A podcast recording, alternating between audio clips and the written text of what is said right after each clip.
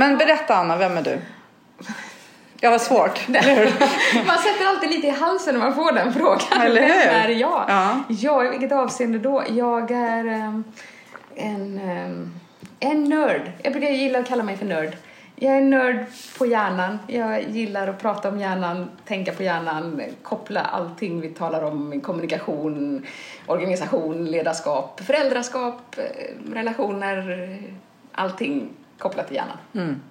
Det, det är väl det andra tror jag skulle beskriva mig som om man tar den ytliga bilden. Gud vad härligt ändå liksom att säga att man är en nörd. Ja. Det känner jag att jag, eh, det, så ska jag presentera mig oftare. Jag älskar ju nördar. Ja, Jag älskar folk som är nernördade i saker och jag älskar liksom att prata med dem om det de är nördar på för att det lär mig så himla mycket. ja. ja men nördar är, ja, jag tycker det är fint. Undrar om jag kan vara nörd på nördar? Jag vet inte, det måste jag fundera på. Ja, men eh, och Lisa Ekström är jag och jag driver ett företag som heter Kamoja. Jag står på scen och pratar ledarskap, medarbetarskap, förändring. Men jag hjälper också organisationer och individer att eh, nå framgång. Så jag, brukar, jag är duktig på att eh, driva fram till beslut och driva fram till resultat. Så det gör jag. Och nu sen bara ett litet tag tillbaka så eh, var jag så rastlös i coronatider så jag tänkte att nej, nu måste jag göra någonting. Så då startade jag en podd. Ja. Och innan vi satte igång mikrofonerna så började vi prata lite om en bok. För du har skrivit bok. ja. Och jag tänker att, eh, och då sa du så här, har du inte skrivit någon bok? Och bara, nej. Jag har ingen lust att skriva bok än. Nej. Och då tycker jag, då ska man ju inte skriva en bok. Nej, men tänk om Det- inte den där lusten kommer då? Men då finns det väl andra saker. Jag tänker, du har ju så mycket idéer och tankar och, och drivkrafter i allting annat. Så det är väl fånigt att trycka in sig själv i ett fack bara för att andra kör det facket. Liksom. Det finns massa saker som, som jag inte gör, även om det skulle ge mig uppdrag och, och ge Ja. mig inkomster. För att jag har ingen lust med det, jag har ingen drivkraft i det, även om andra gör så. Så att jag tänker, varför ta död på din lust och energi för att trycka in dig i något som du inte har lust med? Fast ibland, vet du vad? Jag tänker också så att ibland så har man ju inte lust innan man börjar. Men sen Nej. börjar man och då får man lust. Har du aldrig känt så liksom? Jo, alltså visst. Men det krävs en himla, jag kan ju säga det efter fem böcker, det krävs en viss disciplin särskilt Ja. du som jag utan förlag. Det är ju den egna piskan bara som får en att, att boka det där datumet med tryckeriet som gör att man överhuvudtaget kommer till skott att det blir en bok. Ja, sen kan man ju då är känna- jag ändå driven liksom. Ja. Jag tänker om du inte har den lusten, vad, vad ska liksom driva dig då? Ja, men kanske att ha skrivit en bok. Ja, kan du eh, visualisera den känslan så starkt? För det är väldigt härligt att ha gjort. Så är Mm. det. Så kan du mm, internalisera den känslan och känna att det är där jag skulle vilja vara en sån som har skrivit en bok. Absolut. Så kan ju den energin ta dig dit. Ja, nej men det, nu när jag tänker så skulle jag gärna vilja ha skrivit en bok men jag vill inte skriva den. Det där vet jag att eh, en av mina söner eh, hade eh, han hade lite, så han var lite, jag ska säga om han var skoltrött men han, han, jag vet i alla fall att hans lärare sa, då kanske han gick i tvåan så det här är ganska många år sedan, att eh, vi måste hitta hans motivator. Och det låter ju så fint. Liksom, så här, vad är det som motiverar honom? Han är ju ändå sju år. Liksom, så här. Och jag vet att jag svarade så här, men jag vet vad hans motivator är. Ja. Det är att bli klar. Ja. Är, är, du med lite så här? Och jag tänker så här, vad är min motivator att skriva en bok? Ja, men det är att ha skrivit den. Okej. Ja. Jag, jag tror nog kanske att... eh, ja, men nu när vi pratar om det kan Ja, för få det känns det mer och mer liksom. lockande. Ja. Men då kanske du ska skriva en bok. Där. Fast jag tror- att du inte har idéer att fylla den, så att det är bara att sätta igång. Ja, men och jag tror att för mig kan det nog vara det, att börja. Om jag skulle börja, då tror jag att då skulle det liksom... Jag, jag, tycker att det är jobbigast innan man sätter igång. det är och, och då är jag nog så här, om jag skulle skriva en bok, då skulle jag ta reda på så här, okej, hur många sidor behöver boken vara? Och eh, i liksom det här formatet, hur många tecken är det? Hur många ord är det? Och sen skulle jag nog vilja så här, börja skriva en av de stories som jag har i mitt huvud. Ja. Och så se så här, ja ah, det här var, du vet så här, oj hoppsan det här var bara 300 ord och du ska ha du vet, 300 000 ord. Det Nej, väldigt nej. Ingen som kommer läsa en Nej, men förstår du, jag ja, skulle förstår behöva tänker. liksom hitta så här, ja ah, men det är ungefär så här många ord. Hur många ord är en bok? Alltså jag skriver ju så tajt. inte så. Jag, nej, Nej. jag eh, har en helt annan eh, approach till att skriva Mm. böcker än vad de flesta människor har. Jag skriver så kort. Därför att jag vill ha, komma till essensen. Så att det blir praktiskt och att det blir tillgängligt. Jag vill att folk ska läsa böckerna, inte att bara ska köpa dem. Liksom. Jag vill att de faktiskt ska ta till sig och då måste det vara lättfattligt skrivet. Stora bokstäver. Nej, och... nej. ja, det är kanske lite större typsnitt i och för sig än i de flesta böcker. Men, men det är så få ord för att säga saker som eh, typ amerikanska författare skulle göra tre gånger så långa böcker som jag skriver. Mm. Um, men jag borde ju nu veta eftersom jag har precis gett ut den hur många ord det där var. Det där får vi googla sen. Mm, det var inte det, meningen nej, att sätta det på minnet. Det är pottkanten. verkligen sådana saker man släpper så fort man skickar till tryckeriet. Nu är det borta, nu tänker jag inte mer på ord. Nej. Nej. Men det där tycker jag är ganska intressant det här att göra saker som faktiskt används. Mm. För hur ofta har man inte varit med om att det finns en massa information men man använder det inte. Jag kan känna lite så här, undrar hur många böcker som jag har köpt som jag aldrig har läst. Mm. Och så många böcker som jag till och med har sagt så här, gud den där boken vill jag också ha och så läser man inte. Nej. Men det är för att du får, om jag ska, nörden i mig får svara nu då, vad det skulle kunna vara på. Det är för att du får ju mest dopamin av att faktiskt överhuvudtaget köpa den, än att läsa den. För det känns som att du i princip redan fått kunskapen av att du har köpt boken. Du Men- äger den liksom. Berätta för lyssnarna och, och mig lite mer om dopamin. Ja, Eller det liksom dopa- kicken vi får. Ja, dopamin är ju det som driver oss till allting. Mm. Därför att det känns så härligt i hjärnan att göra saker som ger oss dopamin. Och det vi prioriterar i vår uppmärksamhetssfär och allting är ju för att det ger oss dopamin. I stunden är det just det, till skillnad från allting annat som vi sållar bort, som ger oss mindre dopamin då. Så vi gör ju det vi gör för att det ger oss dopamin och om vi köper en bok så här, shoppar böcker för att det känns så bra så känns det som att vi redan egentligen har lärt oss lite. Vi har egentligen redan fått lite av den här kunskapen i boken. Vi har redan blivit lite smartare för att vi äger boken. Och om vi är ganska nöjda med det dopaminet så är det ett ganska stort steg för det krävs ju också en ansträngning och det är lite jobbigt att faktiskt börja läsa boken också. Och då förtar det ju lite av det dopaminet som är så härligt att ha köpt den. Men blir det inte liksom någon negativ grej då? För det, det är lite som typ som dataspel eller så här Candy Crush Ja. eller man bara ja, jag vann, jag vann och så Ja. fortsätter man så här. Men Ja. jag tänker om jag nu får dopamin av att köpa boken. Får jag liksom inte minusdopamin när jag ser att den ligger där men jag inte läser den? Det beror på vad du har för självbild.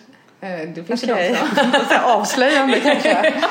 Alltså, vissa kan ju känna att den ligger där och tänka att ja, den ligger ju som många kan säga, ja den boken den ligger på nattduksbordet hemma. Och så kanske den har gjort det ett halvår och så känner de sig lite stolta över att den ligger där för de har ju nästan läst den.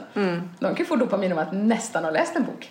Om du får mer en påminnelse om att jag läser den ju inte, då får ju du kortisol, vilket man skulle översätta till minusdopamin. Minusdopamin, Det vill säga stresshormon liksom. Ah. En- Nagga det på din självbild av att du är en sån som inte egentligen läser böcker. Jag kan inte, ja. Eller vad Mitt ideal. Vilja. Ja, precis. Eller hur? Bilden du nu spär på om dig själv på något sätt. Ja men vad bra att det är eh, enkla böcker med stort typsnitt och eh, som är lättlästa och konkreta. Ja, jag skulle säga att det är kanske mer innehållet som är lätt tillgängligt för att vara så komplext som det är när man pratar om hjärnan. Mm. Men, eh, men nej, det är inte supersmått typsnitt heller. Så, nej.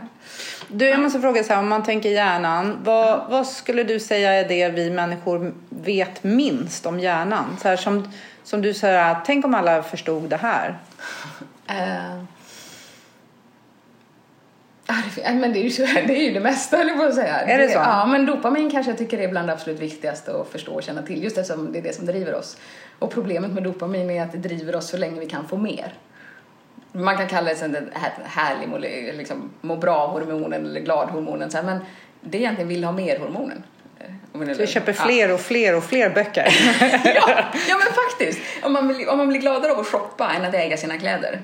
Om man blir gladare av att göra upp hundra planer än att faktiskt realisera någon.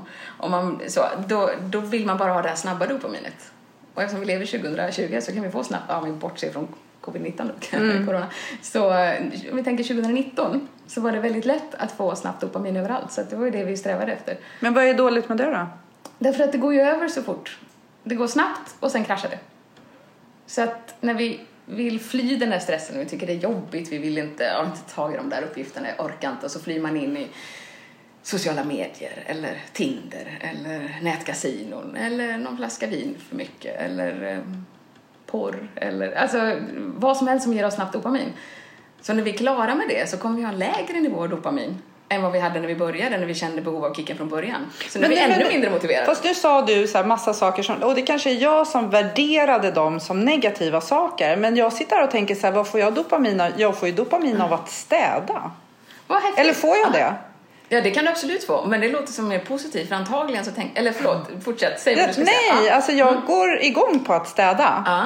Men däremot så kan det vara en tröskel för mig att börja. Ja. Nej, det skulle inte min son som bor här hos mig varannan vecka säga faktiskt. Jag, det är inte så länge sedan så sa jag så här, du nu måste vi städa. Och då tittade han på mig och så sa han så här, nej det behöver vi faktiskt inte.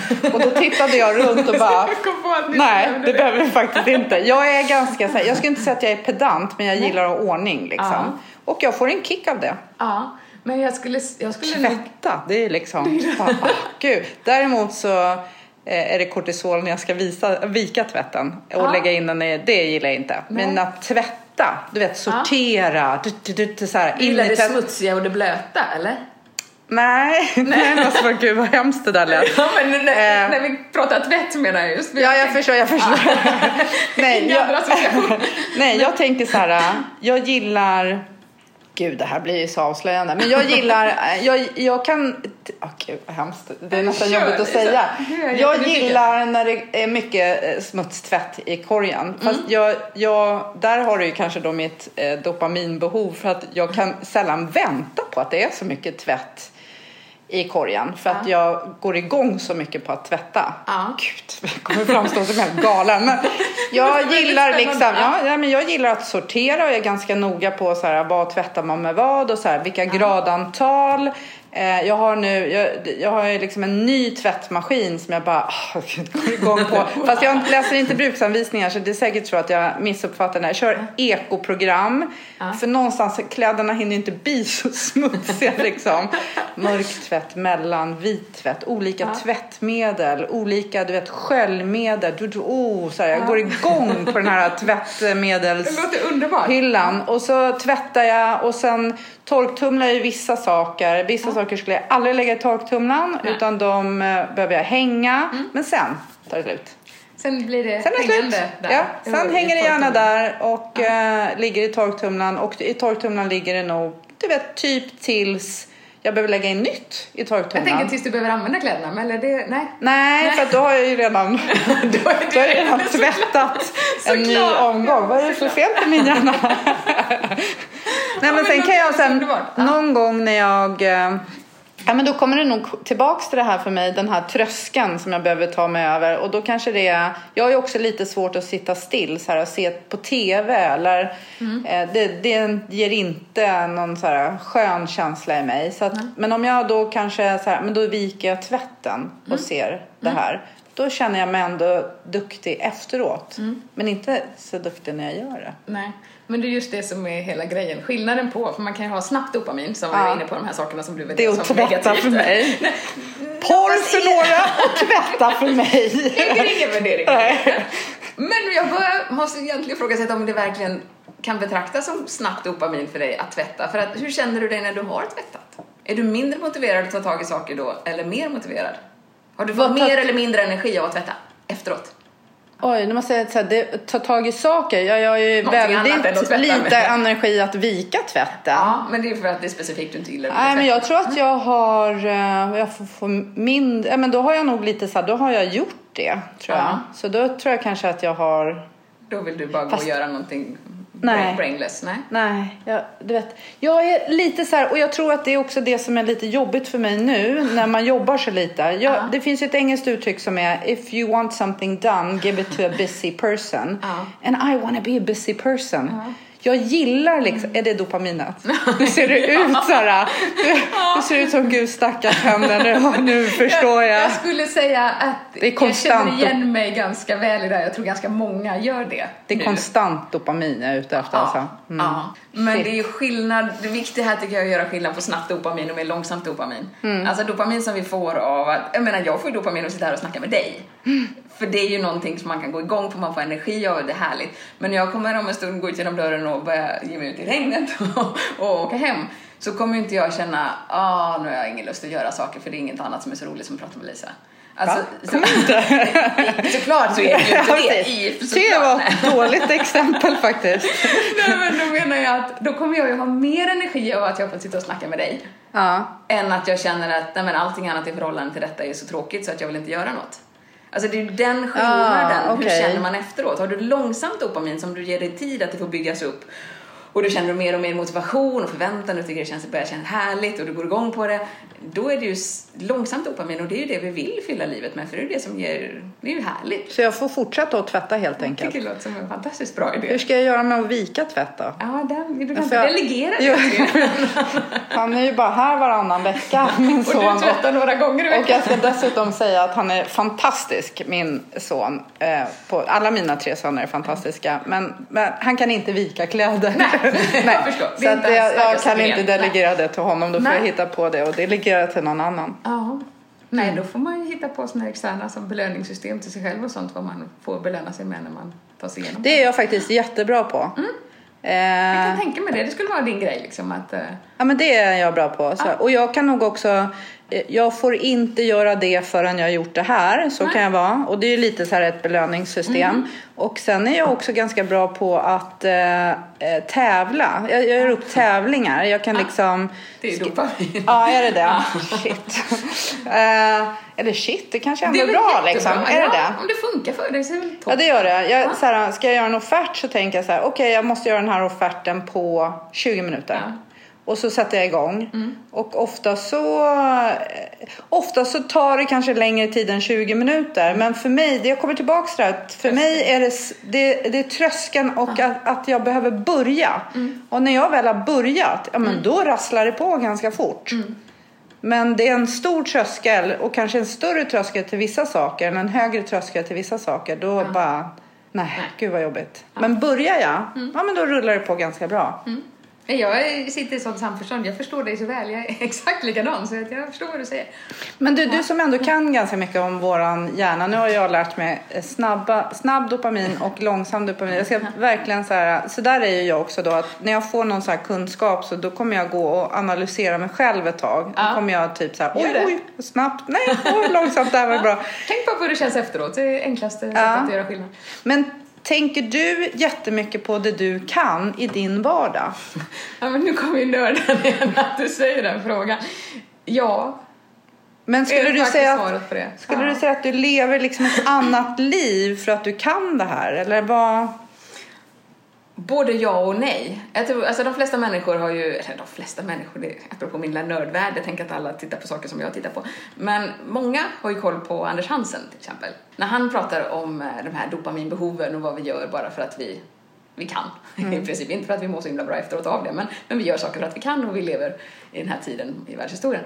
Så, så säger han att trots att han kan de här sakerna så är han lika stor slav under dopaminet i alla fall. Han tar ju också upp sin mobil 200 gånger om dagen och han vill ju också ha socker och han vill, alltså de här sakerna.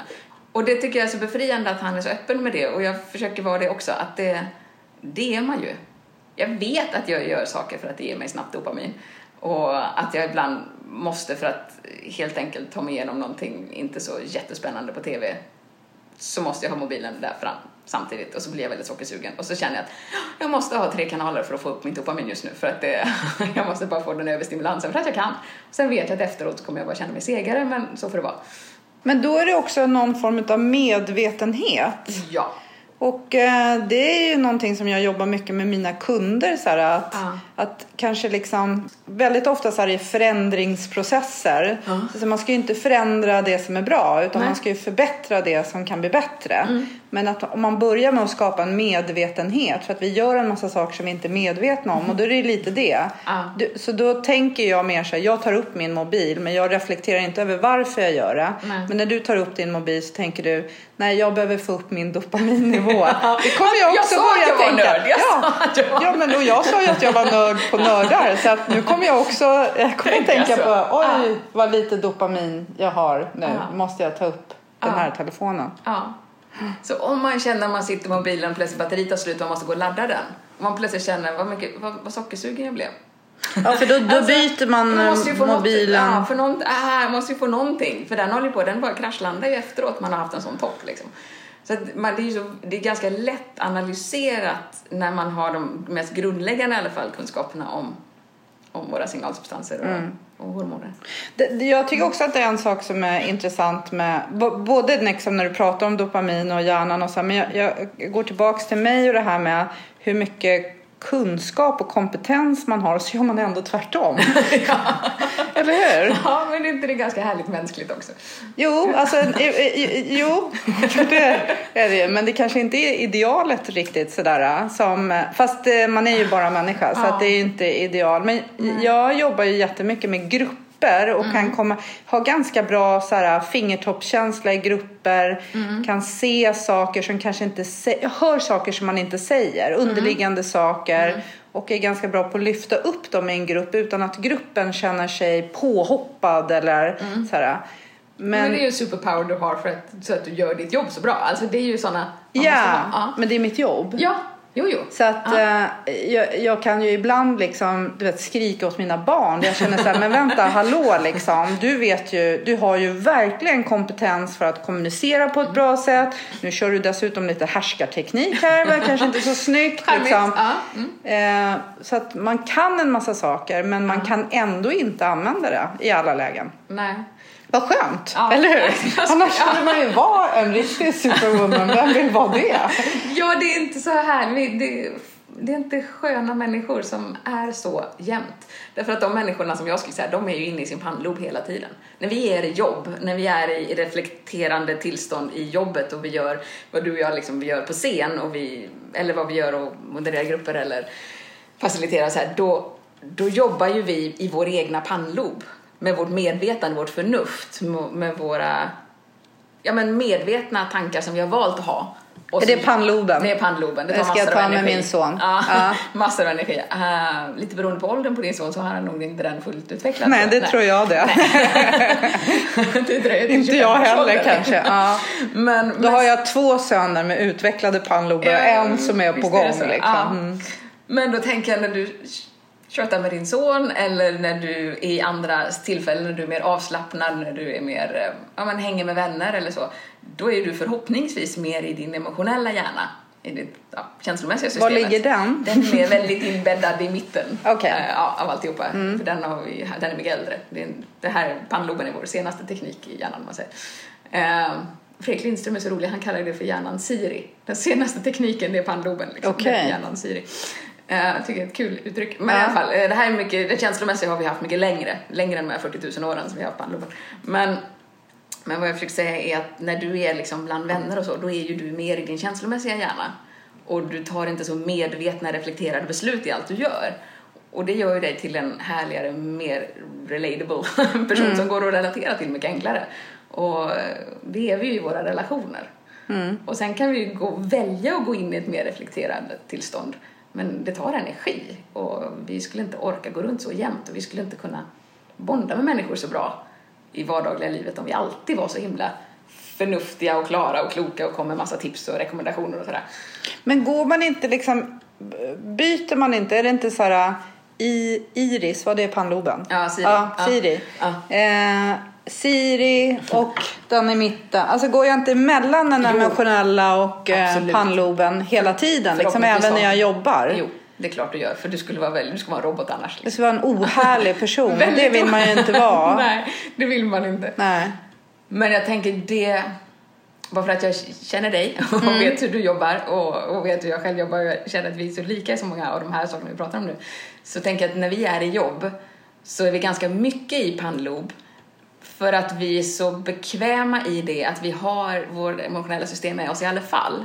Hade vi varit väldigt nervösa och väldigt sådär obekväma i det här och kunnat stå och prata om hur viktigt det är med interaktion och hur viktigt det är att vi ja, för, jag inte, lyfter fram nya idéer och så verkar vi själva väldigt sådär hårda och raka och fyrkantiga så fattar ju vi det att vi kan inte stå och säga ett budskap och signalera någonting annat. Det gäller ju inte alla. Att de förstår det, Nej. att vad de själva så här. Och jag menar, man kan ju ha människor som kan ha till jobb att stå och prata om hur viktigt det är med interaktion och hålla en monolog om det. Liksom. Eh, det då är de ju bara i sin pannlob för de bara tänker det här är förnuftigt, så här ska man, så här ska man göra och så tänker de inte på men det är inte det de utstrålar, det är inte det de faktiskt är i stunden. Så leva som man lär lite. liksom. Leva som man lär, då har man Kroppsspråk och ja, sådär. Då har Ja. man ju det här samarbetet mellan den emotionella, härliga hjärnan som är ja, den vi kan relatera till. Men, men då måste jag, också, säger. jag måste också fråga, för du sa då att eh, pannloben utvecklas inte förrän man är 25. Ja, den utvecklas hela tiden. Men den är Ja, inte jag liksom förstår. klar. Men den är inte klar Nej, förrän, nej, förrän man är 25. Ungefär. Och hur visar det sig då när man är till exempel 18? Jag, jag frågar åt en kompis. förstår såklart att det är. Nej, det vi pratar konsekvenstänkande. Ja. ja. Jag det- säger min kompis, jag förstår ja, vad du menar. ja, Ja. Mm. du har direktkontakt där med ja. Eh, nej men det är väl det mest tydliga, konsekvenstänkande. Riskmedvetenheten finns ju inte där på samma sätt. Man tycker att det där verkar vara en bra idé, det kör vi, hur farligt kan det vara liksom? Mhm. ja, det var därför vi hade bra. föräldrar och därför vi har dyrare bilförsäkringar och upp till 25 och sånt där. Ja, okej. Ja. Så, precis, exakt. Men det är ju tvunget att vara så, för jag menar mänskligheten hade ju inte gått vidare om alla tonåringar hade gjort som föräldrarna sa hela tiden. Alltså, Nej. nej. Det måste ju finnas en period i livet när vi bara är wild and crazy. Eh, så, som gör att vi utvecklar det och sen så, ja, där gick vi lite för långt och där gick det helt käpprätt och så, ja, fast vi landade på fötterna, vi överlevde och så har vi lärt oss någonting och kommer vidare. Men det där är ju också intressant därför att det finns ju de som är mer wild and crazy Mhm. innan de är 25 och några som är mindre wild and crazy. Och jag skulle nog kanske säga att jag tillhör dem, nu har ju båda mina föräldrar gått bort så att vi kan inte liksom underbygga det jag säger. Men jag skulle ändå säga att jag var mer försiktig. Okej. Jag var inte så wild and crazy. Vad är det som gör att ma- man är mer... Eller, Olika.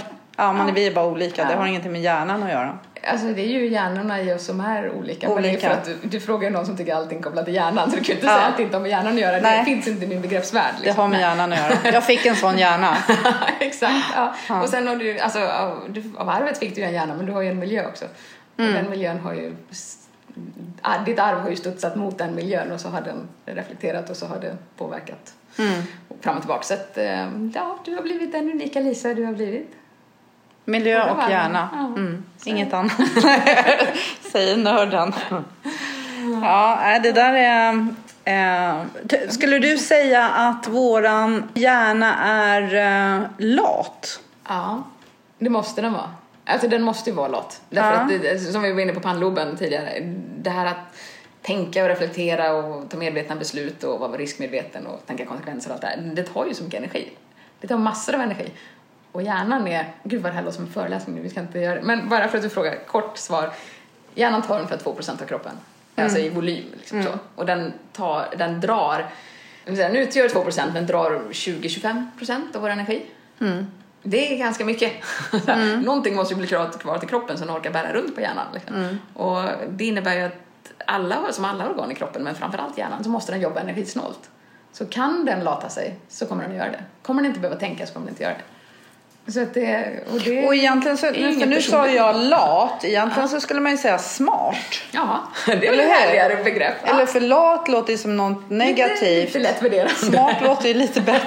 Ja, du tycker det också. Så att jag tänker att min hjärna är inte lat utan är street smart. Street lite smart. såhär, ja, strategisk. Ja. Är, ja. Där har jag varit med om förut. Men det är klart att då kanske vi också gör en massa saker som eh, baseras på tid. På his- alltså vi kanske inte är lika förändringsbenägna då när vi är smarta. Du säger det, vänta nu, vad hade du för jobb liksom? nej, men, nej, faktiskt, är det inte så? Jo, det är Alltså, klart det. Ja, Ja, det är klart det. Då går vi liksom den vanliga gamla vägen. Ja, för det och- har vi ju överlevt. Det enda hjärnan vill egentligen, förutom fortplantning, det är ju att överleva. Och sen ska avkomman överleva också. Men, men det är ju bara att överleva. Allting handlar bara om att överleva. Och att, att förändra sig, ja, om det direkt är uppenbart för mig att det ger en bättre överlevnadssannolikhet, så ja, då kan jag ju göra det. Men det sannolika är ju att det bästa är att inte förändra sig. Därför jag har ju överlevt på det här hittills uppenbarligen. Liksom. Ja, så att, att gå på nya saker och idéer och tankar och, och förändra sig, det, Men, men det, det måste jag ändå fatta så här, för det är Mm. ju hjärnan och då tänker jag så här, handlar det om kreativitet då? Är det så kan du det tänker? göra. Ja, alltså det, ja, det är en del av det. Och också hur man väljer att se på saker, eller? Så här, Ja. Där du ser på saker på gamla sätt och... Ja. Eller du har bestämt dig för att jag tycker så här. Jag mm, tror på den här idén eller jag tror inte på det här. Eller jag är en sån som uppskattar detta eller jag är en sån som inte kan det här. Jag är så, du vet, klassiken. Jag är så dålig på matte. Då har man ju den självbilden. Att bli övertygad om att matte inte är särskilt svårt. Det är ganska hög tröskel för det om man har en identitet som säger att jag är en sån som är så dålig på matte. Och, och då är ju det ett större hinder än att själva att lära sig matten. Och då blir det också hur man ser på sig själv. Jag, Ja. jag får ett ex- kommer på en grej här nu. Men, och det kanske inte alls egentligen har med det här att göra. Men du får, eh, du får vägleda mig. Jag, kommer, jag jobbade ju många år på SAS. Ja. Och där hade vi, de sista tre åren så jobbade jag på en avdelning som han, hanterade kundsynpunkter. Det låter ju lite snyggt att säga kundsynpunkter. Det var mest reklamationer om jag ska vara ärlig. Men det var också lite rosbrev så här, som var positiva. Och eh, vi, hade, vi fick in då eh, brev och mejl. Men väldigt, väldigt mycket brev faktiskt. Det här är ju Oj. några år sedan. Ja. Jag skulle säga det Det här är förr i tiden. Ja, som, behöver inte gå in på specifika nej, årtal. det är inte förr i tiden. Ehm, då la vi de här, det, gud jag får nästan ont i magen när jag säger men det var ju till och med så att vi printade mejlen som kom och så las alla mejl och alla brev i plastfickor. Och så kundcasen låg i en plastficka. Ja, ett och ett i varsin plastficka eller? Ja, ett och ett i varsin plastficka. Och färgen på plastfickan avgjorde vad det var kunden hade synpunkter om. Så då var det så här, det kommer jag fortfarande ihåg. Det, är ju, det kan vi prata om sen. Vad är det man minns och vad minns man inte? Men det här kommer jag ihåg. Och då kommer jag ihåg att om du hade synpunkter på bagage, om det kanske var så att du hade rest någonstans och inte fått din väska eller någon väska som hade gått sönder. Så om det rörde bagage, då var plastfickan gul. Och då hade vi ju liksom en hög med kundärenden och då kunde man se att ja, men så här många hand, handlar om bagage och så här många för, på färgen. Så det var liksom och om du låg i en röd plastficka så hade du liksom, eh, SAS hade, har ju fortfarande ett bonussystem som heter Eurobonus men då var du liksom guld eller så viktig kund i bonussystemet. Så det spelar inte så stor roll vad ditt ärende gällde. De utan skulle hjälpas först, De skulle liksom. hjälpas Ja. liksom. Och vi pratade mycket om plastfickor. Du vet så här, hur många plastfickor har vi som väntar på svar och så. sådär. Ja. Och eh, jag kom ju då från försäljningsavdelningen alltså, och jag hade också innan det jobbat på Arlanda och när man jobbar på Arlanda då pratar man om passagerare. Ja, rimligt. Till och med förkortningen för passagerare i flygbranschen är ju PAX. Okej. Eh, Inside lingo som man Ja, inte- verkligen Okej, så här, Pax. PAX pratar man om så här. Det känns ju inte jätte så här, mysigt liksom. Och sen så kom jag då... Det känns lite, förlåt, får jag bara sticka in? För mig känns det här, stavar det med X? Ja. Ni stavar det med X? Ja. Ja. det tycker jag känns positivt. Men förlåt. Ja. Ja. Det var med CKS som jag kändes, det Ja, kändes okej. som packet liksom. Ja, precis. Det var på fraktavdelningen. Det, det var Pax. Men Pax Ja, liksom. Eh, men, men sen eh, när jag var på försäljningsavdelningen då pratade vi om kunder. Ja, det låter Och fint. du vet så här, då, då var det så här Pax, plastfickor, kunder. Så, så när vi pratade om plastfickor, det blir ju liksom en viss inställning till kunden. När vi inte ens sä- det vi ser ju, det, jag skulle tänka att det är svårare att se människan bakom du vet den här försenade väskan eller den här reklamationen. Det så är ändå en människa som har varit med om något. Ja. Eh, Så till den grad att man faktiskt tar sig tiden att kontakta företaget som man är missnöjd med eller nöjd med. Så. Ja, mm. så det är ju ändå en människa liksom. Det är Men det. nej, nej, nej, det blev en plastficka. Ja. Eh, eller en Pax. Så här, och kund. Eh, och eh, vi, vi, jag var iväg på något så stort konvent för, flyg, eh, för flygbolag. Och då var vi på, det var massa flygbolag från hela världen. Vi var i Bahrain och så eh, var det massa liksom, föreläsningar och så var det lite breakouts och sådär. Och så var det lunch och då satt vi vid ett ganska stort bord. Och bredvid mig satt en kille från Kanada. Nu kommer jag inte ens ihåg vilket flygbolag han var ifrån. Men vi satt ju och pratade liksom om hur vi hanterar olika saker. Har ju ni och bytt idéer och sådär. Ha. Och han satt och pratade om sina gäster. Så först så satt jag och tänkte så här. Nej, Vilka han, pratar han om eller vadå? Nej, men jag tänkte så här, han är nog från hotellet där vi bor. ja, ja. För att på hotell, då Ja. kallar du ju dina kunder för gäster. Ja. Men efter ett tag så insåg jag att det är han inte. Hur som helst, så efter ett tag så frågade jag honom så här, men vad jobbar du här på hotellet? Nej, nej, sa han. Och så sa han, nej, fast vi kallar våra Pax, Ja. plastfickor, passagerare, kunder för gäster. Han sa att det ger oss ett annat mindset. Ja. Det var då du sa, jaha, ja du menar plastfickor? Precis. Ja, men sen kom jag tillbaks till min avdelning och så berättade jag det här och så Ja. sa jag, ska inte vi göra det liksom? Och så, Ja. Sen vet jag, jag vet inte, kommer inte ihåg var det kom ifrån men det var till och med någon som sa så här, vi skulle kunna tänka att det är en gäst i vårt eget vardagsrum. Hur skulle vi göra då? Sen nej, du får faktiskt vänta för att eh, det tar tre veckor innan jag svarar dig. Eller hur gör man liksom om det? Och det, ja. men förstår du, det liksom blir en annan inställning bara du byter lite namn Ah. på det. Så här, hur många kompisar ska vi svara idag? Kontra hur många pax eller hur Ah. många gäster eller hur många... Så bara... Ord har enorm betydelse. Ja. Och då blir, jag tänker på det när du säger så här, jag är dålig på matte. Jag Ja. kan inte matte. Då blir ju det någon form av inställning som jag har. Eller att det är plastfickor. Då agerar jag på ett annat sätt än om jag tänker att Tänk om det här är en kompis som behöver min hjälp. Hur gör jag då liksom? Ja. För jag tänker också i servicesammanhang och det spelar ingen roll om det är ett flygbolag eller om jag går på ett fik. Så här, om jag går på ett fik så väldigt ofta så de som står i kassan på fiket och de har gjort flera kaffe varje dag. De har serverat kanske samma muffin 72 gånger. Men när jag kommer in då vill jag ändå att det ska kännas som att jag är unik. Mm. Och inte så här nummer 54 av mina 72 innan jag får gå hem. Inte Nej. bara nästa, nästa, nästa. Nej, det är så Starbucks och de vill, för de vill ropa ditt namn istället. Det är därför de gör så. Ja, precis. Och sen så skriver ju de, ofta så vill de ju stava fel också, för det är ju en grej. Ja, Jag, har du läst Starbucks-boken? Nej, det har jag inte Nej, gjort. den har jag köpt och läst. och då kan jag säga att det gav jättemycket dopamin. Ja. Kanske också lång, långsamma. Läs den. Ja. De har... eh, eh, De, de har, det finns jättemycket olika böcker men jag har en Ja. som jag har läst om hur de, hur de gör liksom och trash pickers. Hur de anställer folk. Ja, vad kul. Ja, jag vill de anställer ju folk som är trash pickers. Okej. Och det där har jag också anammat. Så här, vad är man för typ av person? Så här, eh, om jag ser att det ligger skräp någonstans, är jag en sån person som tar upp det och slänger det? Eh, eller du vet, låtsas jag som att jag inte ser det.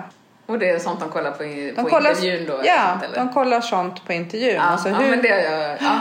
Och den är häftig. Det gör ju ja. Disney också. Men sen vet jag att i den här boken om Starbucks som jag läste så, har, så stod det också att läsa om en, en green book. Mm. Att alla har en green book i sitt apron, alltså i sitt Mm. förkläde.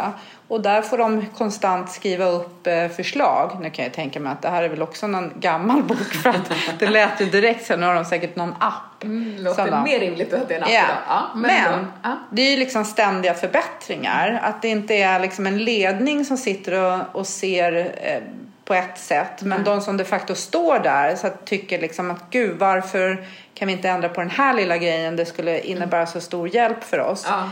Men du vet, sen när jag läst den här boken Ja. så jag eh, reser ganska mycket. Jag hade till och med faktiskt en period som tog slut ganska nyligen. som, där jag samlar på Starbucks-muggar. Starbucks-muggar, Starbucks har Alltså City en- Mugs. Engångs eller Nej, keramik? nej, nej, nej, eh, keramik. Ja. Så jag köpte liksom en Starbucks. ja, ja, precis. Det lät såhär, what? Starbucks-muggar, nej Ja. men de har City Mugs. Okej. Där det står liksom staden. Ja men det har jag sett i USA. Mm. Ja, men, men det har de i Stockholm och så. Jag, Okej, jag, jag vet, går jag, hade aldrig på sjut- Starbucks. jag hade 72 eh, City Mugs när jag insåg att mitt kök är för litet. Liksom. Det håller på att attackera mig. Så där. Men jag är runt på, i många olika länder Ja. och på många olika Starbucks. Sådär. Ja. Och då har jag frågat så här, du jag måste fråga dig så här, din green book liksom. Ah, du har frågat personalen? Mm. Vad men de har ingen. Det lät fint i boken men så... Jo, Eller det kanske har också- slutat med det? Jag vet inte. Jag, jag, jag, har aldrig, jag har inte gjort något liksom. Ja, du upp i ledningen Nej, det har jag inte gjort. Nej. Men ibland så är det ju också så att man fattar beslut i ledningen som inte riktigt kommer ner till medarbetarna. Ironiskt om det skulle vara en sån grej som just skulle vara på medarbetarnas alltså, i- Att all- initiativ. ja. Att, att ha den här boken så att de skulle påverka ledningen. Ja. Precis. Du, nu kommer jag på en annan grej med, med Starbucks som jag Ja, faktiskt måste, måste berätta. För att jag, eh, jag hade ju då 72 stycken City Mugs. Ja. Och sen hade jag någon grej så här att jag lite så här fånigt, roligt la ut på Facebook. Typ en mugg från kanske Bangkok, alltså en city mug där det står en Starbucks mugg så står det Bangkok på. Så skrev jag typ så här, jag dricker mitt morgonkaffe i Bangkok. Eller ur om man ska vara PT. Så där. Och så, det så här, lite roligt liksom. Att Ja. Jag var ju inte i Bangkok. Nej. Jag skulle gärna vilja och då den här muggen liksom. Och så här, lek med ord så där. Och så gjorde jag det med du vet, Bangkok, jag hade Cypern, New York, du vet, jag massa Mm. olika muggar. Så gjorde jag sådär ett tag. Och så la jag ut det i sociala medier. Och sen så helt plötsligt så fick jag ett paket i brevlådan. Ja, det var liksom ett litet paket och sen var det ett brev och eh, du vet man hämtar in posten och så, här, så öppnar jag det här paketet och det låg ett brev i eh, med Starbucks-logga. Ja. Och så var det ett, eh, ett, ett brev skrivet utav Starbucks VD. Vad underbart! Ja.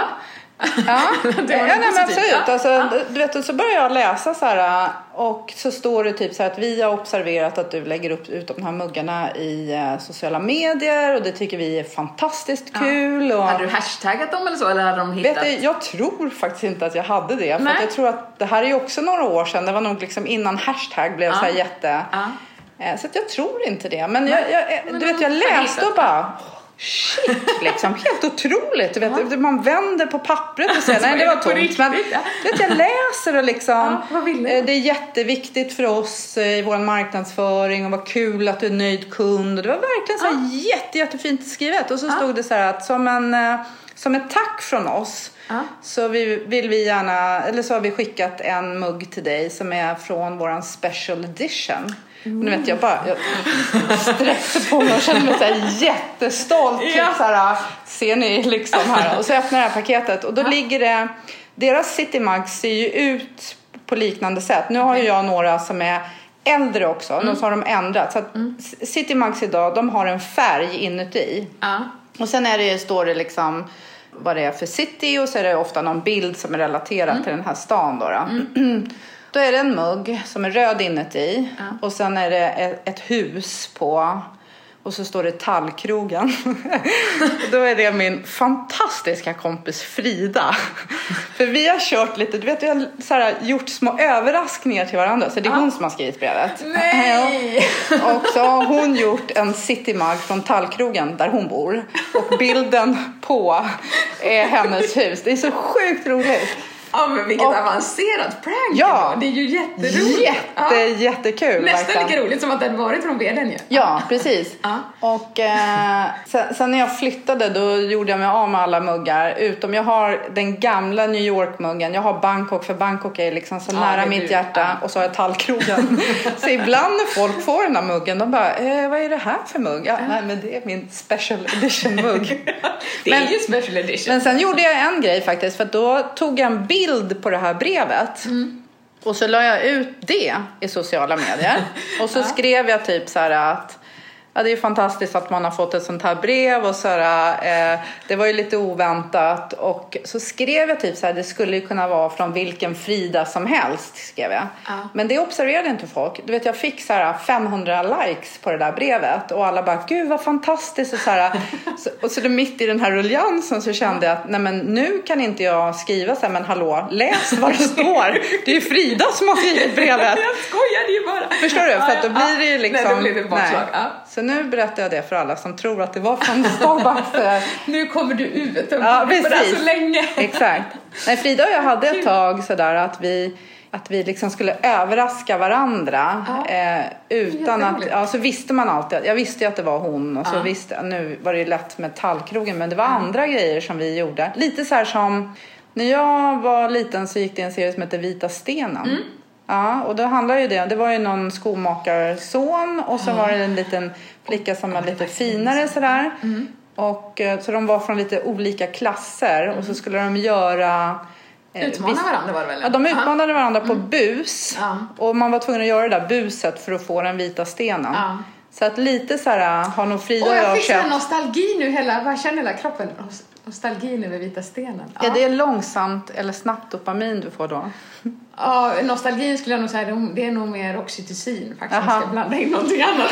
Okej, vad är det då? Oxytocin är vår må bra-hormon. Alltså det är mm, lugn och ro, harmoni, gemenskap, empati, nostalgi. Så motsatsen till stress. Mm.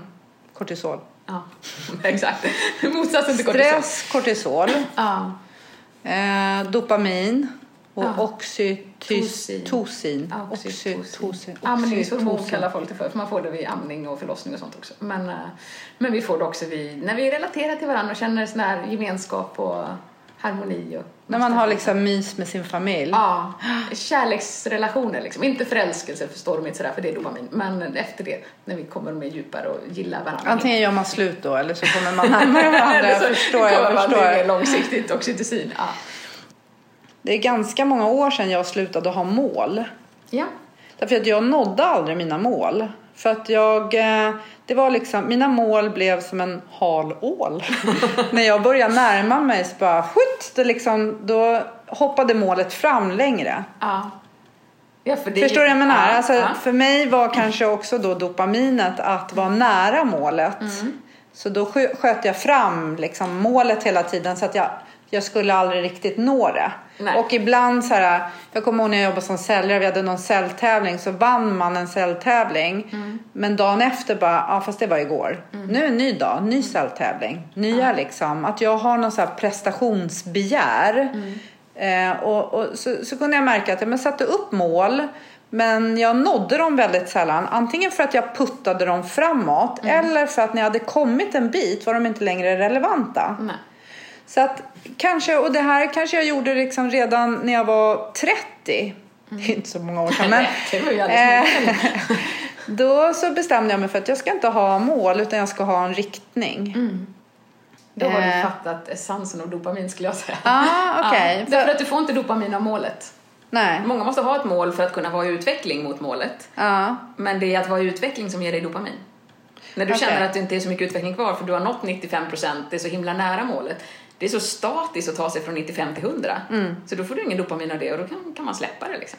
Och då måste man skjuta fram målet så mycket längre för att det ska vara utveckling och komma dit. Det vill säga du ska fortsätta få dopamin och så vidare. Så att du har ju du har precis fattat vad det är som ger dopamin. Det är att vara utveckling, inte att nå mål. Precis, och då har jag riktning. Ja. Och då är min riktning glädje. ja.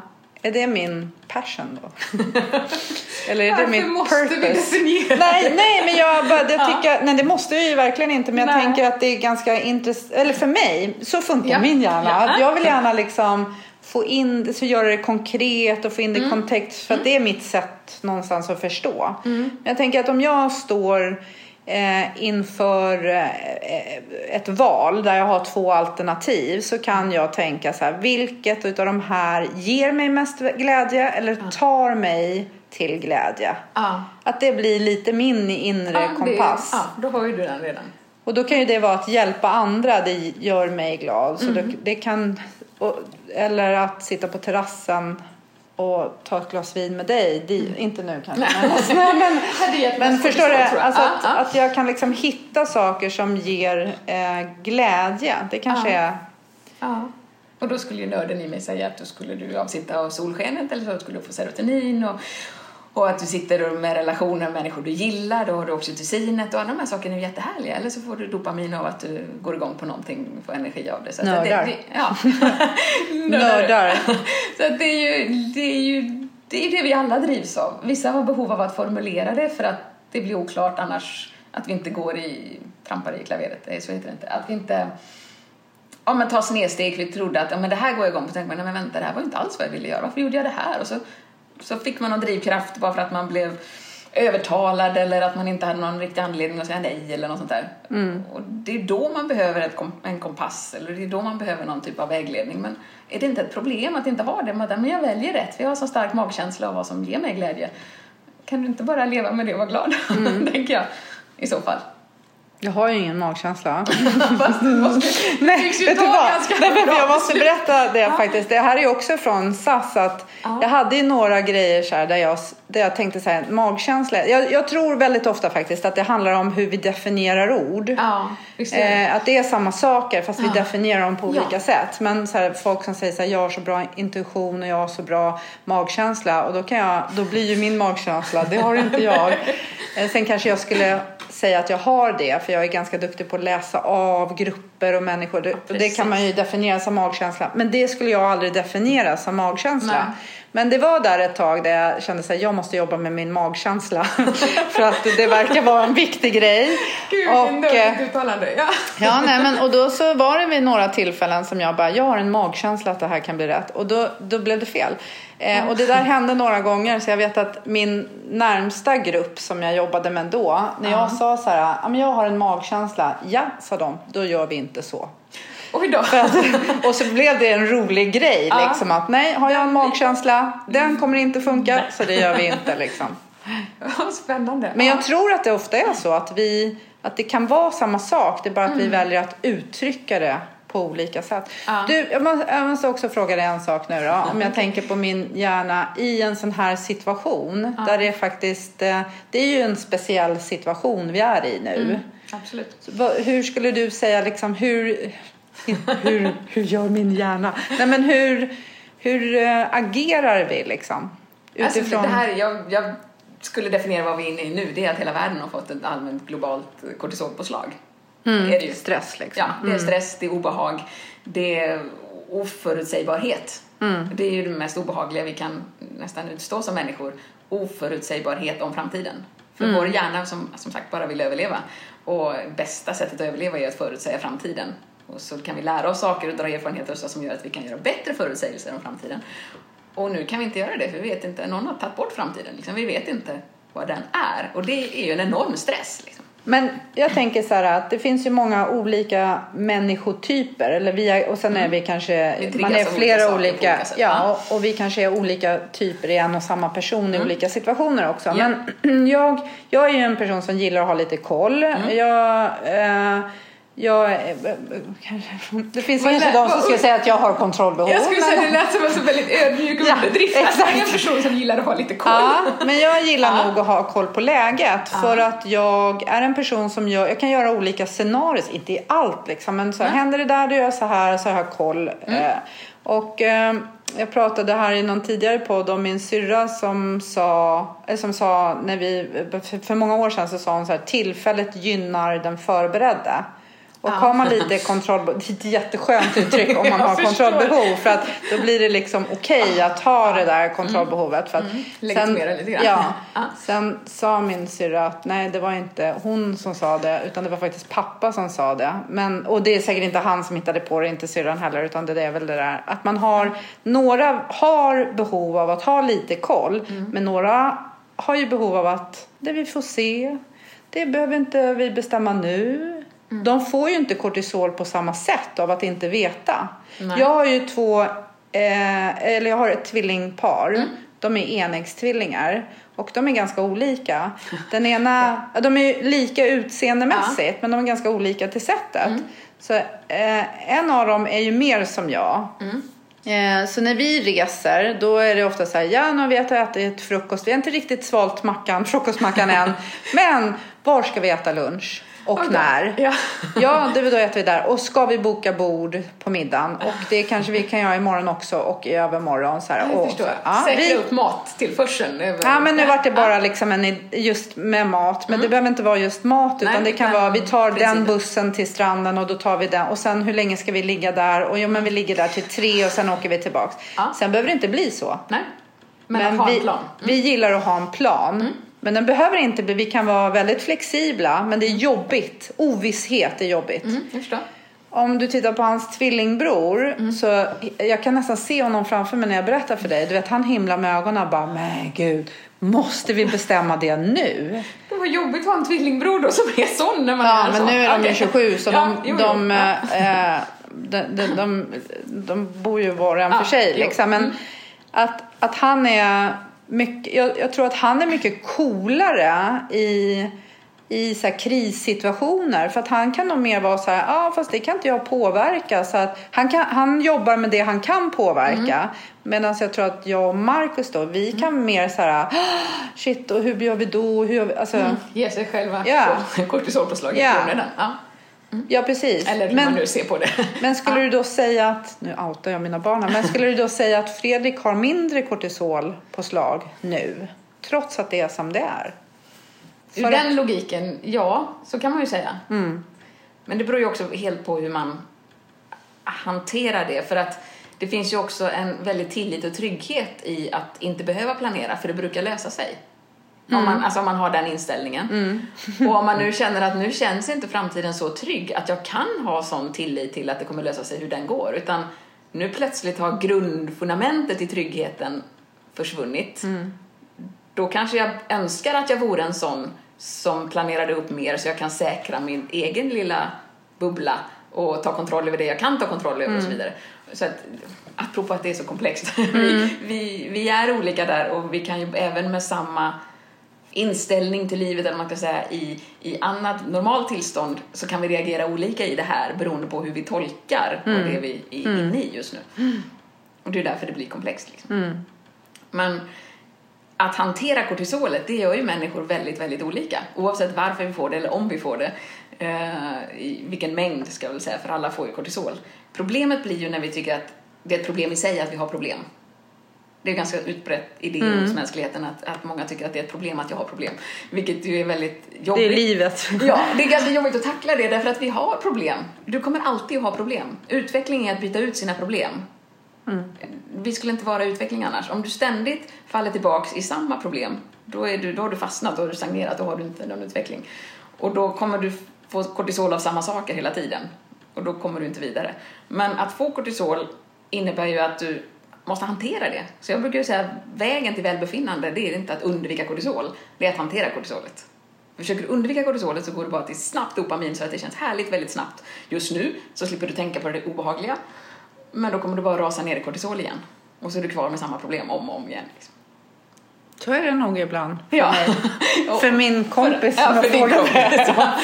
och, så, men, och det är många människor, släktet, som beter sig så, särskilt just nu därför att vi, vi har något så globalt enormt stort problem. Så snart vi har människor som vi känner att vi har saker gemensamt med så kan vi relatera till dem och vi kan få oxytocin i varandras närvaro. Nu kan vi relatera till så oerhört många fler människor för vi in it together som mm. man säger nu. Och det, bara en okänd person på gatan vet vi har någonting gemensamt med oss nu. För att vi är alla inne i en coronapandemi. Liksom. Mm. Och då kan vi relatera till fler människor, då får vi oxytocin till flera vilket gör att vi blir mer harmoniska, känner en gemenskap och vill hjälpa och bidra. Än att vi känner att det är en okänd människa som jag inte har något gemensamt med. Då kommer vi ha kortisol och vi kommer att skydda oss och vi kommer att garden uppe. Liksom. Mm. Men är, du, det där, är inte det där också en läggning? För att jag är en sån person som gillar eh, jag, jag, tänker nu på det du säger och så tänker jag på hur jag är. Nu mm. när man eh, när man är på väg någonstans så du vet, då kan man prata med folk och man säger åh vi går inte så nära och så nickar man och ler mm. eller så säger man inte ens något utan med kroppsspråk så ja, typ nickar man och så tar man liksom mm. så här. Mm. Men så där håller jag på även när det inte är corona faktiskt. Men ja. då kan nog folk mer säga eh, vem var hon? Alltså ja. jag gillar jag, nu kan jag känna så att det är okej okay att göra så. Ja, som jag inte alltid gör. Du vet, ja. hjälper och så här. Ja. Eh, men att det mer är okej. Okay. Jo, det innebär att du kanske känner nu att du får mer oxytocin tillbaka för att människor beter sig likadant mot dig. Mm. Att det ger dig mer att göra det nu även om du gör det annars också för mm. att det är en sån person du är. Mm. Men så kan jag också se det som att om vi gör så idag för att vi är i det här tillsammans och så är det någon som markerar att den är, inte tillhör din flock. För det här gör vi ju när vi, när vi relaterar till människor som då är i samma flock. Mm. Eh, eller familj eller grupp eller vad vi kallar det för. Men, men om någon människa går lite nära dig och kanske hostar precis bredvid eller inte håller avståndet och allt det där. Det är ju som att visa sin illojalitet mot gruppen. Mm. Och det är vi väldigt sårbara för att någon gör när vi vill så gärna vara gemensamt och vi ska bidra till varandra. Och så någon som markerande inte gör det och markerar att de är illojal mot gruppen. Eller folk som sitter jättetätt på restaurangen nu. Ja, och sådär. Ja. exakt. Mm. Det är ju en markör att jag tillhör inte samma lojalitetsgrupp som du. Och det mm. ger oss kortisol. För att då, betyder, då är du en annan flock, då är du min fiende. Liksom. Men, men är, är, tror inte du också att det är så att om vi nu tar restaurang eller hosta som, mm. som ett exempel. Så mm. att jag kan irritera mig på att det är någon som sitter så tätt på restaurangen. Men mm. sen kanske jag själv sitter så tätt på en restaurang lite senare. Ja, ja det är mycket lättare att se när andra gör fel än när du själv ja. gör det. Så är det ju. Mm. Och särskilt när du känner att andra gör de felen som du får dåligt samvete för att du själv gör. Mm då, då retar ju de felen ännu mer när du ser dem hos andra. För där sitter de bara och, och gör det helt öppet. Medan när du gör det så känner du lite skam. Då tycker borde de känna, har de ingen skam i kroppen liksom. Mm. Så att när vi ser våra egna tillkortakommanden och brister och felsteg hos andra så är det mycket jobbigare. Mm. Än, vi är mycket mer toleranta när folk har andra fel än vi själva. Spännande. Jag var ute och gick igår och då, då mötte jag en man som eh, gick med han gick med armen rakt ut från kroppen liksom, för att hålla avstånd. Och så knu, han hade dessutom en knuten hand och han Oj. såg ganska arg ut. Oh. Det, nu var det ju hur jag tolkade Ja, hans visst. kroppsspråk. Sådär. Ja. Men det var ändå så att jag tänkte så här, vad håller han på med? Eh, men så, och den tanken poppade bara. Så här, vad håller han på med? För att jag kan tycka så här, jo men det är klart att du kan hålla ut en arm, men en knuten hand gjorde det. Lite. Lite Ja. Mm. markerat, liksom att hans, han hade en rynka i pannan och han såg liksom aggressiv ut. Typ så här. Ja. Men jag, ganska snabbt så kommer ju nästa tanke så här. Jag har ingen aning om varför han har knuten hand. Han kanske håller i sina nycklar.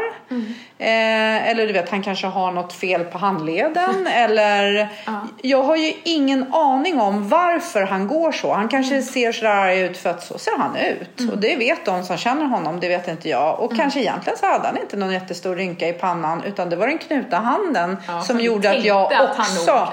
såg en minsann rynka i Ja. pannan. Förstår du? Att Ja. vi tolkar in så mycket. Fyllde i det i bi- i bilden. Oh ja, jag, det är så här. Men Mm. Ja.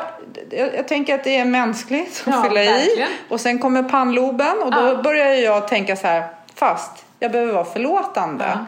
Jag har ingen aning om liksom, var den här människan kommer ifrån Mm. eller vad han har varit med om innan jag ser honom. Eller du Att han är en riskgrupp särskilt. Eller, Eller hur? Ja, precis. Eller om han själv är sjuk och vill hålla avstånd från andra. Precis. ja. Men Att- vad du säger där är ju så spännande när du säger och sen kommer pannloben in. Så här, den Eh, var det så? Ja, Eller? den kommer ju inte in. Det är ju du som väljer. Du använder ju din vad jag kallar för mänskliga superkraften. Du väljer ju en tanke över en annan.